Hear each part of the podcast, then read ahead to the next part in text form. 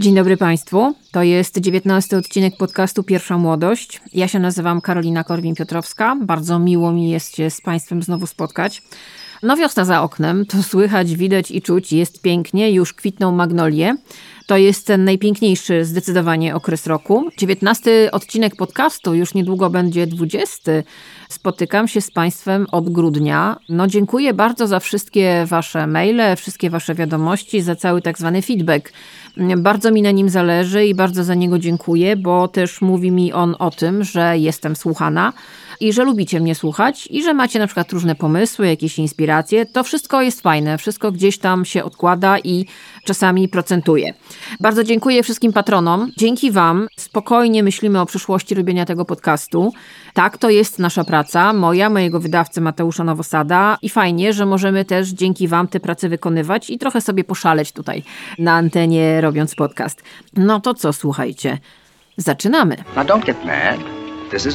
No właśnie, proszę Państwa, to był Fred Astaire do Judy Garland w Wielkanocnej Paradzie rok 1948 i to zdanie Don't get mad, this is business. No proszę Państwa, porozmawiajmy sobie o Jamie Lee Curtis, bo to jest kobieta, która jest na ustach wszystkich od paru dobrych miesięcy, po tym jak zagrała jedną z ról w filmie Wszystko Wszędzie Naraz, w filmie obsypanym Oscarami, po tym jak odebrała Oscara i masę innych nagród za rolę pani pracującej w urzędzie podatkowym. Mówi się o niej bardzo, bardzo dużo, ale nie zawsze tak było.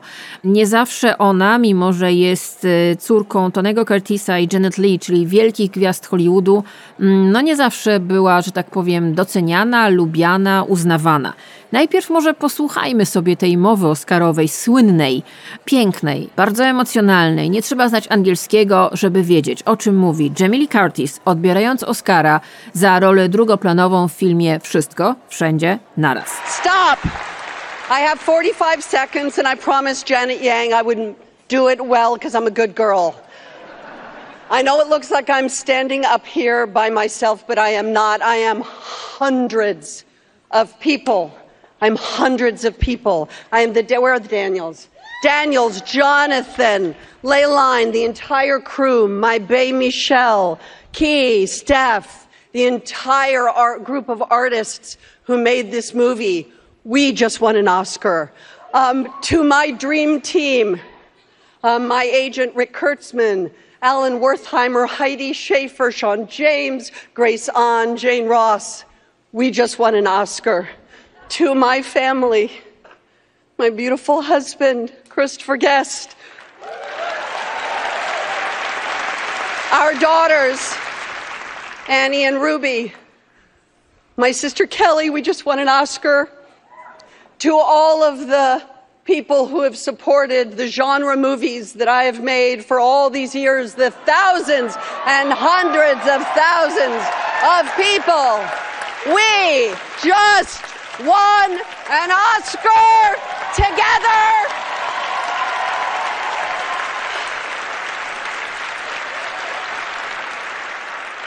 And my mother and my father were both nominated for Oscars in different categories. I just won an Oscar. Jamie Lee Curtis urodziła się 22 listopada 1958 roku, czyli ma teraz 64 lata. Mówię specjalnie ile ma lat, bo ona wieku nie ukrywa, nie udaje, że ma lat 18, ani nawet nie udaje, że ma lat 25. Jest kobietą, której Instagram, bardzo Wam polecam, sama go ewidentnie prowadzi i to jest cała Jamie Lee. To jest kobieta, która jest aktywistką, była aktywistką zanim to się stało modne, walczyła o prawa człowieka i prawa zwierząt i o naturę zanim to się stało modne. Jest kobietą bardzo zaangażowaną w sprawy kobiet i prawa na przykład do aborcji. Sama jest niesłychanie skomplikowaną w sumie postacią, bo tak jak już powiedziałam przed chwilą, jest to córka Tonego Curtisa, który oglądaliśmy go, mam nadzieję, że oglądaliście go, genialnego aktora w filmie Pół żartem, pół serio. Mm, jej matką e, była Janet Lee, ta słynna kobieta spod prysznica w psychozie Alfreda Hitchcocka. Wtedy była nominowana do Oscara za rolę drugoplanową. Zresztą y, Jamie Lee Curtis kilka lat później odtworzyła tę scenę i to naprawdę robi ogromne wrażenie. Jamie Lee wyrastała w domu gwiazd filmowych. Tata wyprowadził się, kiedy miała 3 lata, rodzice się rozwiedli. Ojciec zaczął, że tak powiem, dość hulaszczy, zabawny, szalony tryb życia. Ona się została razem z matką i jej matka, jak ona zresztą sama mówi, mama zawsze starała się zadowolić swoich fanów, co dla mnie i dla siostry nie było łatwe. Ona należała do ludzi, a powinna tylko do nas. I to bardzo dużo mówi o świecie, w jakim wyrastała Jamie Lee Curtis. Tak naprawdę była samotnym dzieckiem. Dziewczynki miały być e, miłe, uśmiechnięte, ładnie ubrane. Miłe miało być dla wszystkich. No i taka była. E, wpojono jej szacunek do wszystkich, do ludzi, do starszych przede wszystkim. Zabraniała narzekać, marudzić. E, no i chodziło o dobrą prezencję. Ta dobra prezencja to było coś bardzo ważnego dla Janet Lee i potem stało się pewnego rodzaju ciężarem dla Jamie Lee Curtis. No, ona bardzo wcześnie zaczęła e, swoją drogę artystyczną. Wcześniej zaczęła chodzić na kursy aktorstwa. Jej debiutem filmowym był e, Halloween film, w którym krzyczała i stała się od tego momentu królową e, krzyku. Scream Queen, możecie wpisać sobie w Google i wyskakuje wam innymi Jamie Lee Curtis. Grała sporo, ale nie tak dużo jakby chciała i nie takie role, jakie myślała, że będzie grała. Do tego jeszcze była dość zafiksowana na swoim wyglądzie w pewnym momencie. Na Arte jest bardzo ciekawy dokument. Nie będę wam tutaj dokładnie opowiadała jej życiorysu, bo jej życiorys jest dokładnie opowiedziany właśnie w tym dokumencie, który jest y, dostępny na Arte tylko do 25 kwietnia, więc link dostaną patroni, zobaczcie go sobie. On jest po francusku z angielskimi napisami. I to jest opowieść właśnie o niej, od strony zawodowej. Tam nie ma jakichś tam skandali. Zresztą Jamie Lee Curtis nie była specjalistką od skandali. To jest kobieta, która nawet dzisiaj chodzi spać o godzinie 19, wstaje przed 5 rano i jak na przykład był, była kolacja dla nominowanych do Oscara, to ona na nią nie przyszła, bo powiedziała, że wtedy już będzie w łóżku. I naprawdę wszyscy wiedzieli, że tak będzie, bo ona po prostu taka jest. Ma tego samego męża od 39 lat, to jest aktor i reżyser Christopher Guest. W tym dokumencie Arte jest dokładnie pokazane, jak oni się poznali.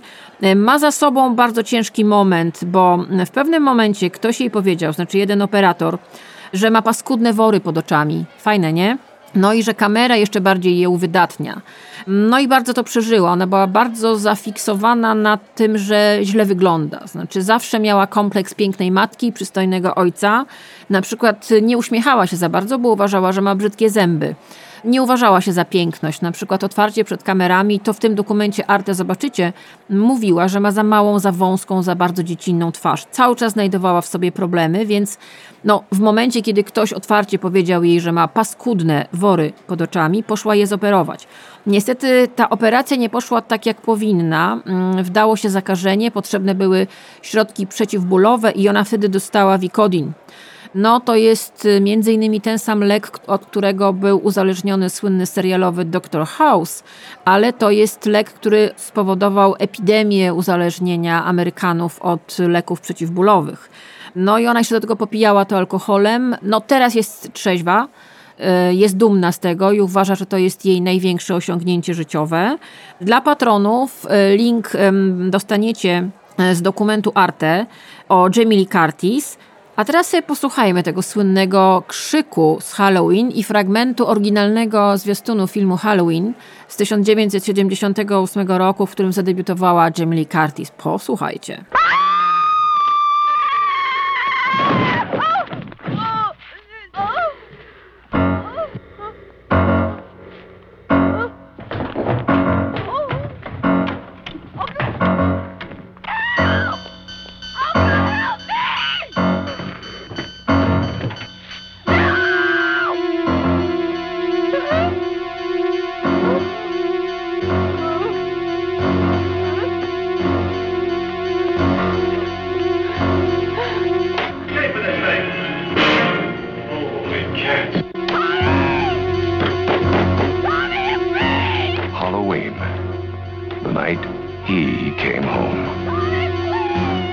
Niezłe to wszystko jest i rzeczywiście stało się filmem kultowym. Halloween stał się filmem kultowym, a sława Jamie Lee Curtis była globalna. To była, była bardzo młodą aktorką i była globalnie już znana i była postacią kultową, naprawdę.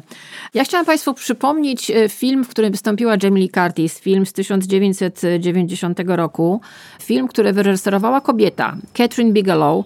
Bardzo mocny, feministyczny film o kobiecie, młodej dziewczynie, która zdaje egzamin na policjantkę, staje się policjantką w Nowym Jorku. No i już e, pierwszego dnia przede wszystkim styka się z seksizmem i z takim poniżaniem przez swoich kolegów, no bo co tutaj baba, taka emocjonalna, nie wiadomo co to w ogóle z tego wszystkiego będzie.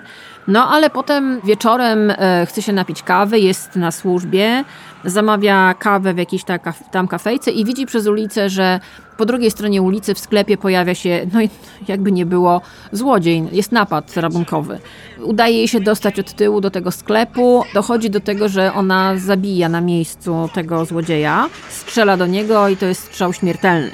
No i się zaczyna, proszę Państwa, bo zaczyna się mm, afera polegająca na tym, że oczywiście jej koledzy policjanci uważają, że oczywiście emocje ją poniosły, zadziałała wbrew procedurom i zabiła nie, nie, niesłusznie, że powinna oczywiście go ostrzec, a ona cały czas mówiła, że przecież widziała, że on ma broń. No wiadomo, zaczyna się bardzo mocna seksistowska jazda, która doprowadza do tego, że ona jest zawieszona, ale na, na, na, na krótko, bowiem na ulicy zostaje znaleziony człowiek zabity kulą i kiedy wyjmują z niego te kule, to okazuje się, że na niej wyryty, wyryte jest jej imię i nazwisko. Więc okazuje się, że po ulicach Nowego Jorku krąży morderca, który jest jej stalkerem i zabija ludzi. Dlaczego to się wszystko dzieje? No nie wiadomo. E, film jest naprawdę mocny. Ja go sobie specjalnie dzisiaj rano obejrzałam e, po raz kolejny. Przede wszystkim mamy opowieść nakręconą ręką kobiety, Catherine Bigelow, zresztą potem dostanie Oscara za reżyserię. Nie za ten film, za inny, ale wiele, wiele lat później. No i mamy Jamie Lee Curtis w niesamowitej roli. Ja sobie poczytałam, jak ona się mm, przygotowywała do tej roli, jakie, mm, jak, jak, jakie naprawdę no, no zawzięła się mocno, bo to jest rola poważna, to jest rola gdzieś tam, która mogła stać się przełomowa w jej życiorysie i w jej filmografii. Nie stała się taką. Ten film gdzieś niesłusznie przepadł. Nie zarobił za dużo, miał opinię no, no, klęski marketingowej, co nie zmienia faktu, że naprawdę dzisiaj się go bardzo dobrze ogląda. Zresztą posłuchajmy oryginalnego zwiastunu tego filmu. Patroni z Patronite'a dostaną link do filmu, bo on jest legalnie dostępny w Polsce. I naprawdę warto go zobaczyć. I warto zobaczyć Jamie Lee Curtis Anno Domini 1990. Zapowiedź tej wspaniałej Jamie Lee, która dzisiaj odbiera Oscara za film Wszystko Wszędzie Naraz. No ale teraz zwiastun z filmu Błękitna Stal. I think you're the most beautiful woman I've ever seen. Why would you want to become a cop? I like to slam people's heads up against walls. Jamie Lee Curtis is a cop with a problem. Robert! On the floor!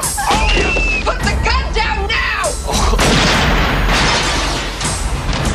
24 hours on the force and she's already blown some poor slob's face off. No gun found at the scene, Officer Turner. Nothing on the victim. The men on the force won't believe her. It was there. I saw it. The man at her side can't help her. I think somebody out there likes you. And the man in her arms is the killer. We have to stop him. Death. It's the greatest kick of all. Steel, a point-blank thriller. No i teraz przechodzimy do kolejnej części magazynku. Bardzo fajnie jest czasami posłuchać się swoich znajomych, którzy zaczęli się przy mnie zachwycać serialem Rozterki Fleischmana. Hmm, no to włączyłam i usłyszałam między innymi to. Toby Fleischman awoke one morning inside the city he'd lived in all his adult life. Many thoughts had crossed Toby's mind in the hours since he was informed that his ex-wife dropped the kids off a full day earlier than expected. At four in the morning, Four in the morning. Sorry, I'm angry all over again. Yikes, dude. Toby was forced to ask the question that occurred to him nearly every few minutes since his separation How did I get here? Todd says you don't play tennis or golf? Mm, yeah, I play basketball. Good for you. I did not become a doctor to get rich, okay? I did it to live a meaningful life. Money doesn't buy you happiness. Oh, Toby, of course it does. Co to są rozterki Fleischmana? To jest historia 41-letniego nowojorczyka, Tobiego Fleischmana, który właśnie się rozwiódł, korzysta z zapałem z aplikacji randkowych, Bardzo go to bawi. Osiąga tam sukcesy, rozwija się chłopak, znajduje gdzieś cel w życiu. Zresztą to są sukcesy, jakich on w młodości nie miał, bo ten serial bardzo szybko nam pokazuje, że on w młodości był takim nerdem bardziej. E, zresztą jest dzisiaj lekarzem w Nowym Jorku, pracuje z pacjentami, nie chce robić wielkiej kariery korporacyjnej, choć mu proponują e, w świecie medycznym. On bardzo ceni sobie kontakt z pacjentem. No i to niestety jest też problemem w jego małżeństwie. Jego żoną jest Rachel. Na początku było fantastycznie z Rachel. E, seks, zabawy, łyżwy, spacery, w ogóle cudownie i fantastycznie, ale w pewnym momencie Rachel założyła agencję aktorską, autorską taką na Broadwayu. No i się bardzo w tej pracy zanurzyła, że tak powiem. Urodziła po drodze jakimś cudem dwoje dzieci, Hanę i Solego. No i oczywiście zarabiała na dom. Dzięki niej przeprowadzili się do pięknego mieszkania w pięknej kamienicy za jakieś potworne pieniądze. Rachel jest niewolnicą swoich aspiracji i swoich marzeń. Al Fleischman, Toby Fleischman, gdzieś tam za nią drepcze. Znaczy, jej nowi znajomi, którzy są bogaci, jeżdżą do Hamptons i robią zakupy tylko w konkretnych sklepach, a ich dzieci chodzą do konkretnych szkół, za których czesne w tych szkołach jest po prostu totalne. Tobi patrzy na nich jak na wariatów. Znaczy, to w ogóle nie jest jego świat. On oczywiście udaje, próbuje coś tam rzucić jakimś dowcipem, zawsze kulą w płot, albo się patrzą na niego zdziwieni. No i to jest opowieść o rozpadzie związku widziana z różnych punktów widzenia, bo to nie jest tylko Tobi, ale też jego przyjaciele, Libby i Seth. Zresztą postać Libby w tym serialu jest naprawdę niewiarygodna. Opowieść też o Rachel, o kobiecie, której przez większość tego serialu nie ma, o której się mówi, a która pojawia się w odcinku siódmym, który rozwala system. Rachel w tym odcinku siódmym, jak bardzo wiele kobiet, znajduje siebie. I między innymi krzyczy. Bardzo dobry serial, bardzo mocny serial. Moim zdaniem jedna z piękniejszych i mocniejszych i bardziej prawdziwych opowieści psychologicznych dostępnych w ostatnich latach, może nawet w ostatniej dekadzie. To się doskonale ogląda, to jest bardzo mocno napisane, bardzo prawdziwe to wszystko jest i, bardzo takie gdzieś uderzające. Ja też w ostatnim odcinku poczułam pod powiekami łzy pomyślałam sobie, kurczę, to jest dokładnie o nas, to jest też o moim pokoleniu, które w pewnym momencie zastanawia się, kurde, po co to wszystko? Co tak naprawdę zrobiliśmy? Do czego tak naprawdę doszliśmy? To jest naprawdę świetna rzecz. Przypominam, rozterki Fleischmana, link oczywiście dostaną patroni. No to jeszcze posłuchajmy sobie tego zwiastuna, który sam w sobie jest bardzo ciekawy i jak się w niego wsłuchacie, nie musicie nawet znać języka, wiecie dokładnie, o czym jest ta historia. This is a story about everything. It's about life and marriage and how young love can become old resentment and money. You can't get one of these for less than 10 grand. And dissatisfaction. I feel like I'm not alive. You chose this! And jealousy, ambition, career. I don't even have time to get a divorce. Parenting, nostalgia, and lifelong friendship. The world is your oyster. Lick it up. We just saw Rachel. What?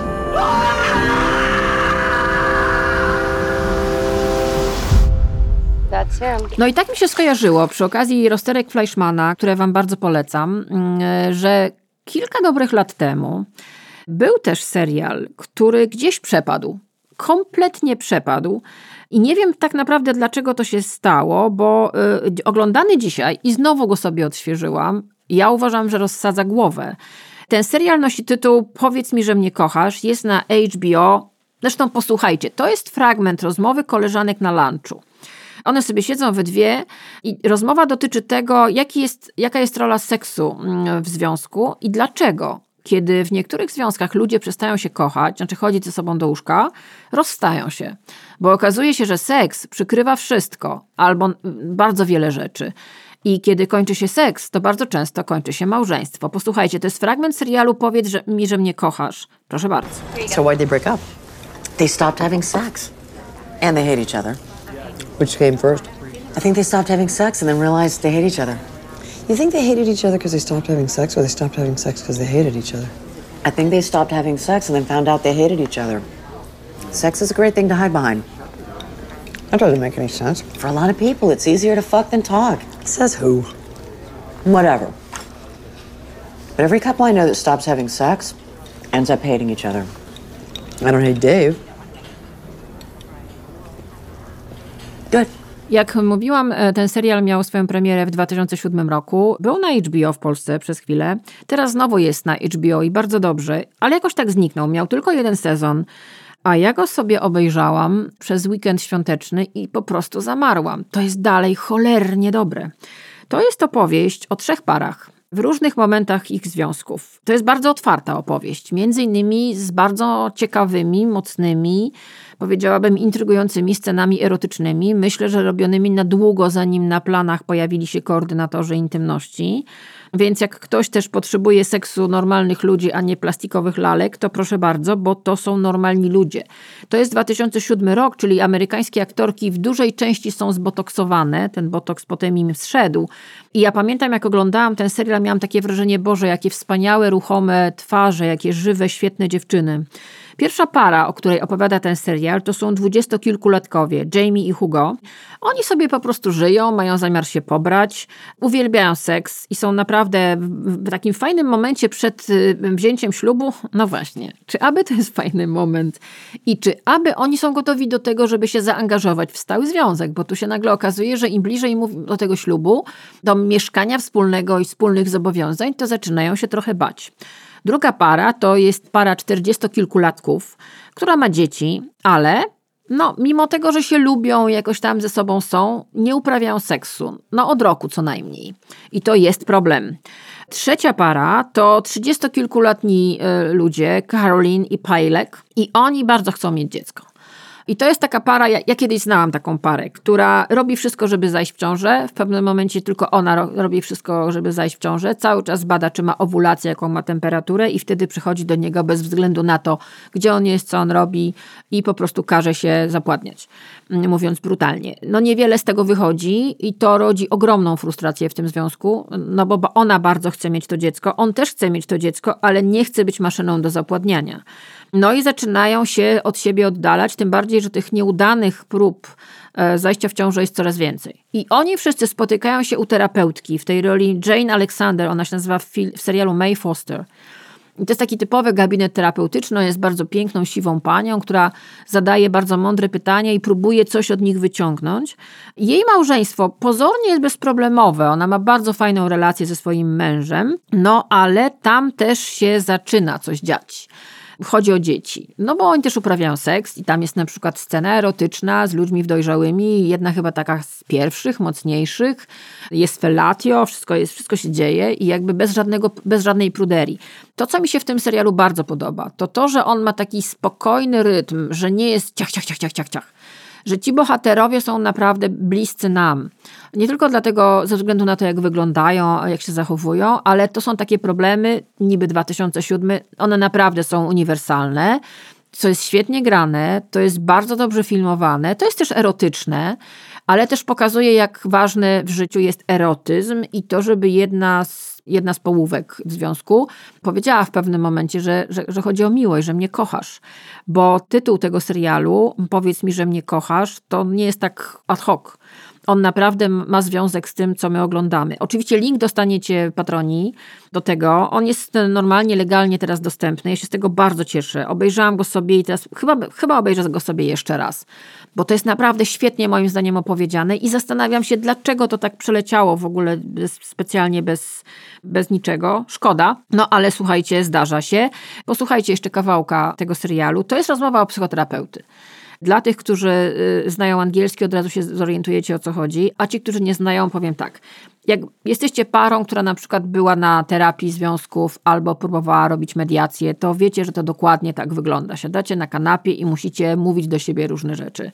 No, ale tutaj mamy opowieść o tym, że Mężczyzna wyrzuca swojej żonie, że trudno jest mu być sexy w momencie, kiedy po raz 55 czyta tę samą bajkę dla dzieci, poprzednio był na zakupach i robił jakieś tam specjalne zakupy soczku czy tam czegoś, jest zmęczony i on po prostu nie jest bombą erotyczną po czymś takim.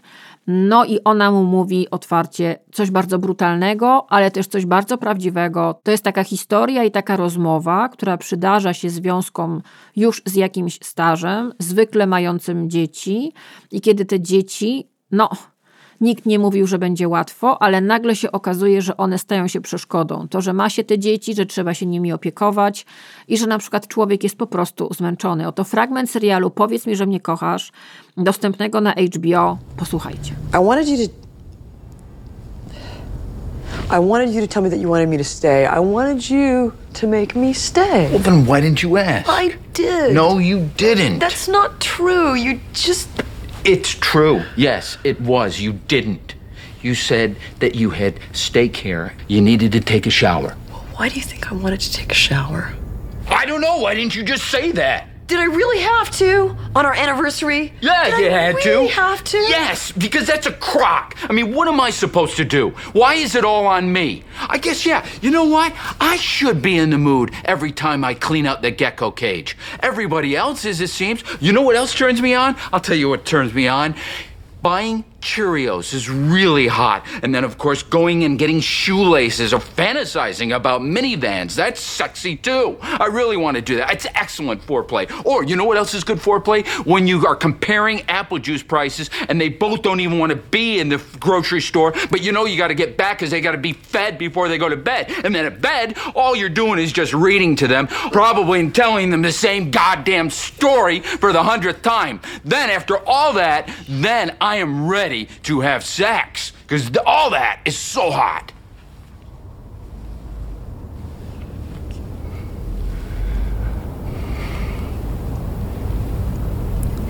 Our entire life. That's what you just trashed. Our entire life. Przypominam, dla patronów bardzo ważna informacja. Do 17 kwietnia trwa promocja znaku. Kiedy wpiszecie specjalny kod, który dostaniecie w newsletterze, będziecie mieli zniżkę bardzo ładną, bardzo miłą dla portfela na prenumeratę cyfrową miesięcznika znak. Bardzo polecam, szczególnie dlatego, że w ostatnim numerze jest bardzo dużo o psychodelikach między innymi. O psychodelikach, które wchodzą no, przebojem do medycyny, między innymi pomagając ludziom w kryzysach psychicznych. No dobrze. No proszę Państwa, wysyłacie to do mnie i też pomyślałam, że o tym opowiem, bo to jest też coś, co mnie trochę, że tak powiem, rzuciło o ścianę. Czy to jest dobre określenie? Chyba tak. Dalaj Lama. Hmm, no już wiecie o co chodzi. To najpierw posłuchajmy. The Dalai Lama has issued an apology after asking a boy to quote suck his tongue during an event earlier this year. According to the Associated Press and CNN, the incident took place back in February after a young boy approached the 87-year-old spiritual leader at an event in Dharamsala, India. Do pewnego incydentu doszło podczas imprezy charytatywnej zorganizowanej przez indyjską fundację M3M w mieście Dharamsala w północnej części Indii. No i teraz tak, na filmiku, który ogląda cały świat i jest przerażony, 87-letni laureat pokojowej Nagrody Nobla zaprasza dziecko, małego chłopca na scenę. Następnie wskazuje na swój policzek, mówiąc najpierw tutaj i skłania dziecko do pocałunku. Co samo w sobie już nie jest fajne, bo sobie przypomnijcie na przykład wyjazdy świąteczne w dzieciństwie albo jakieś rodzinne spotkania i pocałuj babcię, pocałuj dziadka, pocałuj ciocię, pocałuj wujka. Chciało się wam to robić? No nie za bardzo. No i potem Dalaj Lama, czyli 87-letni laureat pokojowej Nagrody Nobla, z którym zdjęciem ma każdy szanujący się polityk na ziemi, pokazuje chłopcu język i prosi, by ten go, uwaga, possał. Wyraźnie skrępowany chłopiec nie wie, jak się ma zachować, a w tle się wszyscy śmieją, bo to jest takie bardzo, bardzo śmieszne, że po prostu publicznie chłopiec został poproszony o to, żeby possać język 87-letniemu starcowi. Serio. To się stało, to zostało nagrane, no i nagranie zrobiło furorę, biorę to w cudzysłów na całym świecie, bo się nagle okazało, że kurczę blade chyba na naszych oczach upada kolejny autorytet. Oczywiście Dalaj Lama przeprosił, też ma PR-owców, ale powiem wam tak, wpiszcie sobie w Google monk rape, dwa słowa, monk rape i potem kliknijcie w zakładkę wiadomości. I nagle wyskoczą wam z ostatnich lat Wiadomości o tym, jak to mnisi buddyjscy są oskarżani i udowodnione im to jest o gwałty na dzieciach. No właśnie, proszę Państwa, bo celibat to jest niefajna sprawa i to jest w ogóle wbrew naturze, to jest wbrew fizjologii. Naprawdę, jak wpiszecie sobie monk rape w Google, ja to zrobiłam, no to muszę przyznać, ręce i nogi opadły i przestałam się w ogóle dziwić czemukolwiek. To oficjalnie są mężczyźni żyjący w celibacie i oni mają pewne swoje potrzeby i okazuje się, że te potrzeby, że tak powiem, nie są zaspokajane. W związku z tym dochodzi do różnych dziwnych rzeczy. Druga rzecz to są autorytety. To samo dotyczy Polski, Europy, świata. To są ci ludzie, którzy przez lata, przez dekady swojego funkcjonowania, ich ego było pompowane przez wielbicieli, fanów różnych tam mm, ludzi. Oni są przekonani o swojej bezkarności, o swojej boskości. No ich narcyzm wywalony jest w kosmos. Myślą, że mogą zrobić po prostu wszystko i wszystko ujdzie im na sucho. I zwykle tak jest. I przez lata tak się działo. Teraz jest może trochę inaczej. Ludzie mają inną świadomość, większą świadomość, więcej się nauczyli, są bardziej wyczuleni, na przykład jeżeli chodzi o kontakty obcych ludzi z dziećmi. I to jest dobre i widzą pewne rzeczy. I nagle widzą, że ukochany Dalaj Lama, którego mają na przykład na ścianie powieszonego, którego mają książki i w ogóle myślą sobie, o jaki cudowny, wspaniały, no to zachowuje się publicznie w sposób, który jest bardzo niefajny. To po prostu wygląda źle. Mało tego, no to są te autorytety sprowadzone do, niektórzy sprowadzają autorytety do kremówki, inni do świętego obrazka, inni do jakiegoś pomnika. Jesteśmy w tym mistrzami świata, nie tylko Polacy, w ogóle ludzie. Ludzie potrzebują autorytetów, potrzebują przewodników. Nie myślą o tym, że ci ludzie też popełniają błędy i nie myślą o tym, że ci ludzie nie są też bezkarni i że nie można takiego autorytetu pompować w nieskończoność.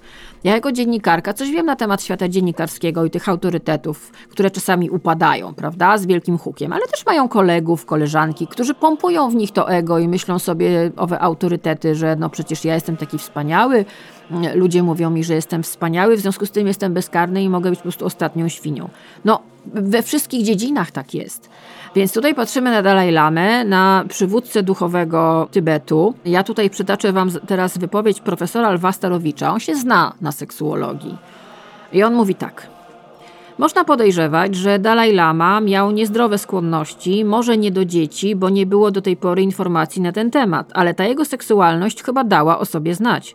Zdecydowanie przekroczył dystans w stosunku do małego chłopca, co do tego nie ma wątpliwości. Nie da się tego wybronić i stwierdzić, że jego zachowanie było absolutnie aseksualne. Dalaj Lama, zapewne ku radości Chińczyków, dużo stracił. Stracił w oczach całego świata. Szkoda. Z czego wynikało jego zachowanie? Czy tak się zestarzał, że już nie wie, co robi, czy się zapomniał? Nie mam pojęcia. Na pewno zrobił rzecz, która nie powinna mieć miejsca i mocno zaszkodzi jego wizerunkowi. To profesor Lew Starowicz. A teraz posłuchajmy Bogny Kowalczyk. Z jej Instagrama pozwoliła mi wziąć tę wypowiedź. Ona jest reżyserką filmową, trenerką intymności i coachką emocjonalną. I ona zadaje bardzo ciekawe pytanie. To jest takie pytanie, które w ogóle nie dotyczy tylko samego Dalaj Lamy, ale w ogóle tego, jak my przedmiotowo traktujemy dzieci. Posłuchajcie. się tej sytuacji jako osoba, która na co dzień pracuje z kontaktem z ciałem. I mam cały czas właściwie tylko jedno pytanie. Czemu dajemy dziecko obcej osobie do podtrzymania? Czy to jest wujek, czy to jest papież, czy to jest Dalaj Lama? I jeszcze pod presją tłumu. No właśnie, nie wygląda to dobrze. Dalaj Lama przeprosił, ale wiecie co, naprawdę też uważajcie z dziećmi, bo te dzieci, które stają się obiektami przytulania, całowania. Ja jak byłam dzieckiem, nienawidziłam tego. Nienawidziłam, kiedy obcy ludzie na przykład podchodzili do mnie i mówili, o jaka ładna dziewczynka, taka jesteś, taka będzie. A ja stałam i po prostu chciałam się stopić z chodnikiem. Albo, że ktoś mnie dotykał. Ja do tej pory nienawidzę, kiedy ktoś przekracza moją cielesność, moją granicę cielesną, kiedy mnie na siłę przytula na przykład, kiedy ja tego nie chcę, nie znoszę tego i mamy do tego prawo. To nie jest, że jesteśmy jacyś, nie wiem, nienormalni, nie lubimy ludzi. Nie, my po prostu mamy taką granicę i tej granicy nie należy przekraczać. Żyjemy też w świecie, który powoli uczy nas tego, że mamy prawo do tych granic i mamy prawo je stawiać i ma prawo nam się nie podobać, żeby obcy facet albo obca baba kazali nam się za przeproszeniem obściskiwać. Mamy do tego prawo. I tu jest historia, którą świat zobaczył, no i wszystkich najzwyczajniej w świecie zatkało. No dobra, jak już jesteśmy przy aktualnościach. Co było rok temu o tej porze? No proszę Państwa, rok temu o tej porze świat był podzielony na dwa obozy. Był team Johnny Depp i team Amber Heard. No i teraz się okazuje, że rok po tej po sprawie sądowej, podczas której to państwo wyzywali się od najgorszych i naprawdę no, się zadziało, Johnny Depp wraca na festiwal filmowy do Cannes Równo rok po sprawie z Amber Heard jego film będzie otwierał festiwal filmowy, a ja chciałam Państwu polecić dokument, który jest na HBO o tym. Zresztą posłuchajcie. It's easy to look at this case and think these are two celebrities, too much money, that had a really awful relationship. But this is a man's life. What have you lost as a result of Miss Heard making these allegations? Nothing less than everything. I didn't deserve that. Mr. Depp's team is going to try to turn this case into a soap opera. Even just walking into this courtroom, I am harassed, humiliated in front of the world. Usłyszeliście przed chwilą fragment dokumentu dwuczęściowego, który dostępny jest na HBO, który jest ciekawym dokumentem. On nie jest przełomowy, ale jest o tyle ciekawy, że on pokazuje kulisy tej słynnej rozprawy, która, przypomnę, zakończyła się 1 czerwca minionego roku. To był proces w sprawie o zniesławienie. Johnny Depp wytoczył ją, tę sprawę swojej byłej żonie Amber Heard. Przypomnę też, że aktor wygrał. Ława przysięgłych uznała, że rzeczywiście Amber Heard pomówiła go twierdząc, że stosował wobec niej przemoc psychiczną, fizyczną. Wyrok w tej sprawie no, podzielił świat na dwie połowy. Ja byłam gdzieś po środku. To było, y, nie wiem, chyba byłam w jakimś trzecim, trzecim zestawie, trzecim obozie, bo jakoś wyczuwałam w tym wszystkim, że przede wszystkim mamy do czynienia z dwiema osobami, które mają potężne problemy emocjonalne, mają potężne problemy z nałogami. I to wszystko tworzy, kiedy takie dwie osoby ze sobą są, jakiś piramidalny, po prostu koszmarny miks. Bo na początku jest wielka miłość, o której zresztą słyszeliśmy podczas tego e, procesu. Oni byli naprawdę zafascynowani sobą, że tak powiem, po kokardę. No ale się okazało, że bardzo szybko ta wielka miłość i fascynacja także seksualna przerodziła się w coś naprawdę potwornego. W tym dokumencie, dlatego on ma dwie części, bo jedna część jest e, opowieścią ze strony Amber Heard, a druga część ze strony, ze strony Johnego Deppa i jego prawników. To jest bardzo ciekawe, dlatego że widzimy opowieść jednej i drugiej strony bez wchodzenia sobie w słowo, co jest o tyle ciekawe, że możemy się spokojnie zastanowić nad tym, co tak naprawdę miało miejsce w tej sali, na tej sali sądowej, bo rzeczywiście to, co się tam działo, świat podzieliło na dwa zwalczające się obozy. Ja myślę, że nie byłam w żadnym z nich. Ja myślę, że jestem gdzieś po środku. Zresztą cała ta sprawa, słuchajcie, ma swój dalszy ciąg, bo nie wiem, czy wiecie, ale e, Amber Heard złożyła odwołanie od tej sprawy i ona będzie się chcia, chca, dalej chce się sądzić e, z Deppem, mimo że ławnicy przyznali mu odszkodowanie w wysokości 15 milionów dolarów. Ona musiałaby zapłacić tylko 10, tam ponad 10, niewiele ponad 10 milionów dolarów jemu, no bo tam chodzi o odszkodowania karne, no nieważne. No wygląda na to, że ona złożyła odwołanie od tej decyzji sądu. Sprawa jest, że tak powiem, rozwojowa. Ja postanowiłam sprawdzić, co się w ogóle u nich dzieje, więc tak, obydwoje mieszkają w Europie. Co jest ciekawe, Johnny Depp zamierza w ogóle kupić pub w Wielkiej Brytanii.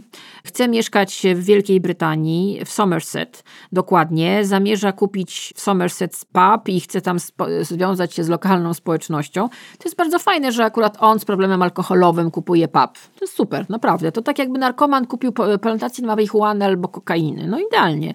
Super, świetne. Znaczy, ustalmy, on jest alkoholikiem. On to powiedział w, w, sądzie. On ma problemy z nałogami, więc nie panuje nad tym tak za bardzo, wydaje mi się. No ale świetnie. Kupi pub, idealnie. Ona mieszka we Włoszech, z tego co zdążyłam sprawdzić, ale generalnie się przenosi z miejsca na miejsce.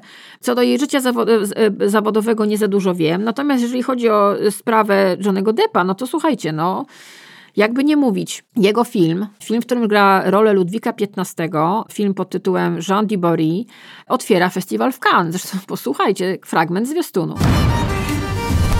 La comtesse Jeanne Dubarry. Surtout, ne regardez pas le roi dans les yeux. Ce serait perçu par la cour comme une invitation. Une invitation à quoi À la bagatelle.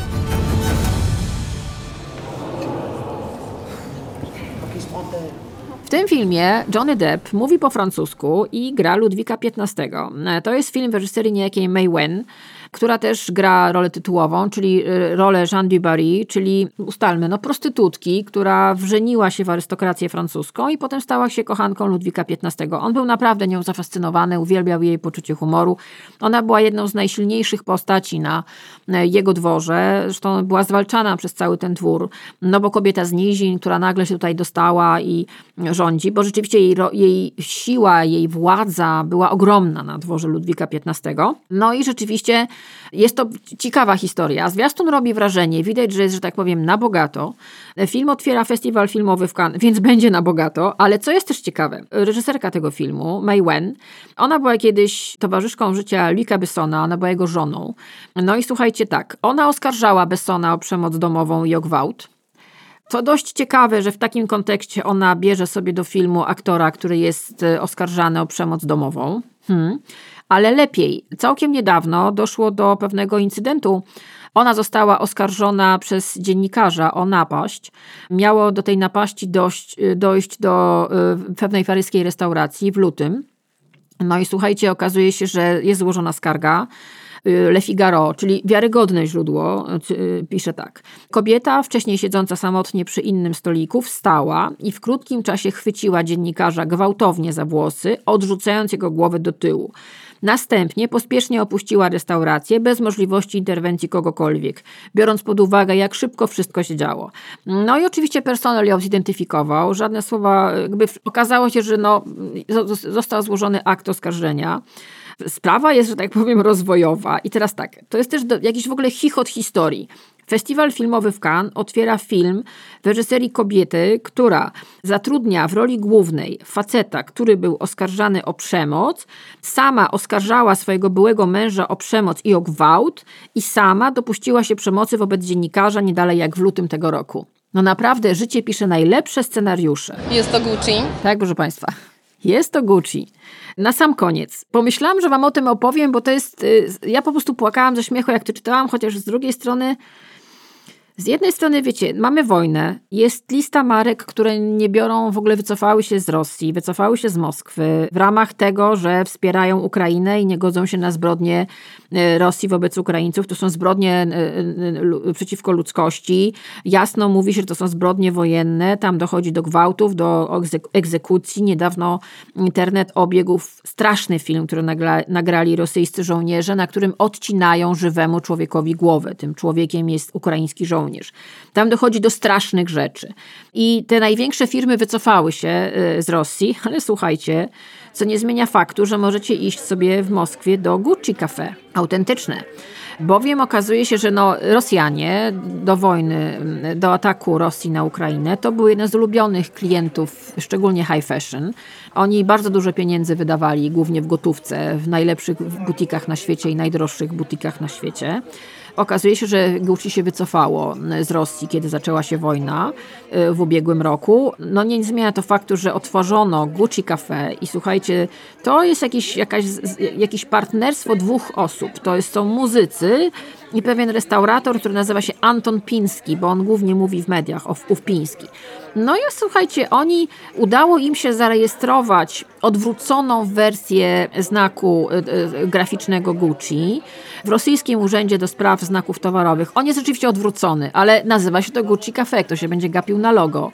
I słuchajcie, mają prawo do y, prowadzenia restauracji, i słuchajcie, znaki towarowe, a co to takiego? A jakieś uprawa, ochrona praw autorskich, a co to takiego? A co nas to obchodzi?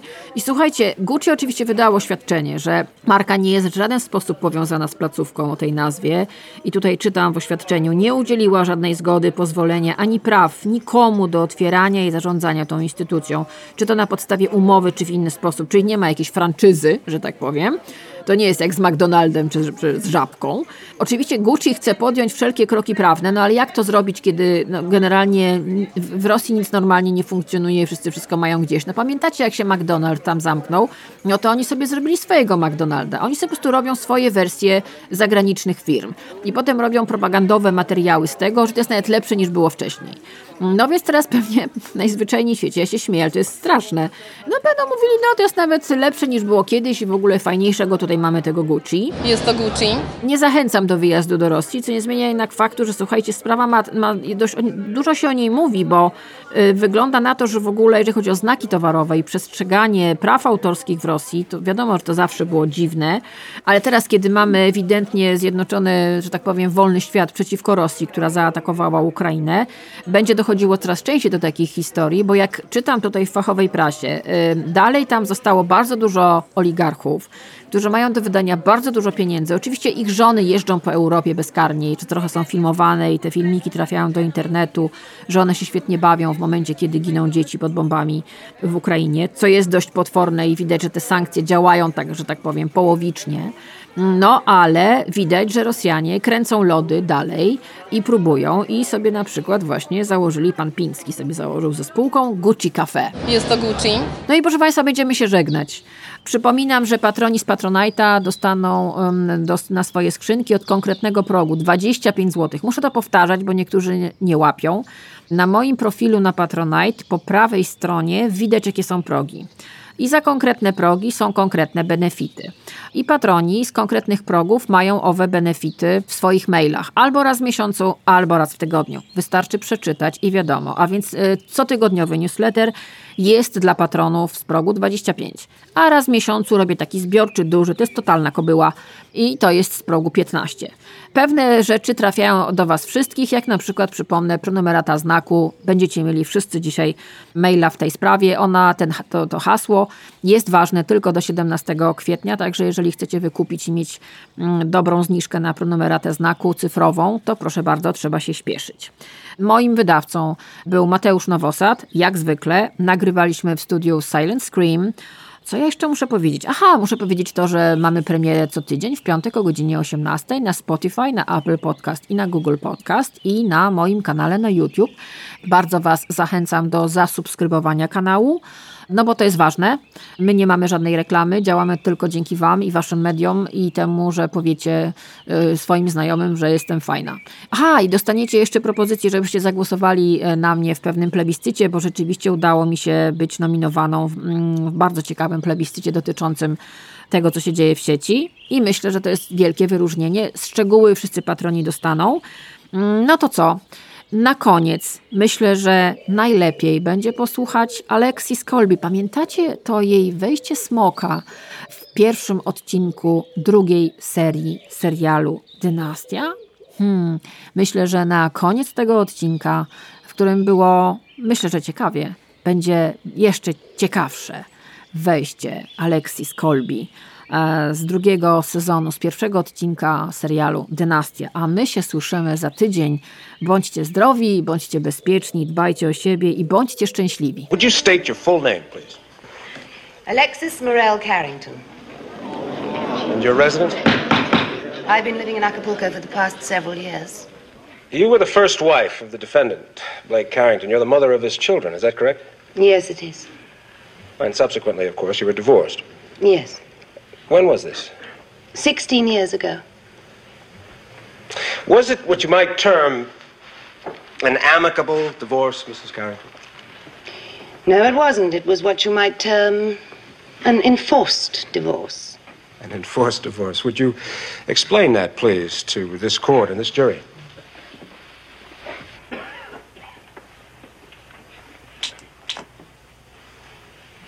I was very young when I married Mr. Carrington. At first, it, it was a good marriage in every sense. We had an, an excellent relationship, two beautiful children. It was very good. Ideal. That's the word that people use when they talked about us. Ideal.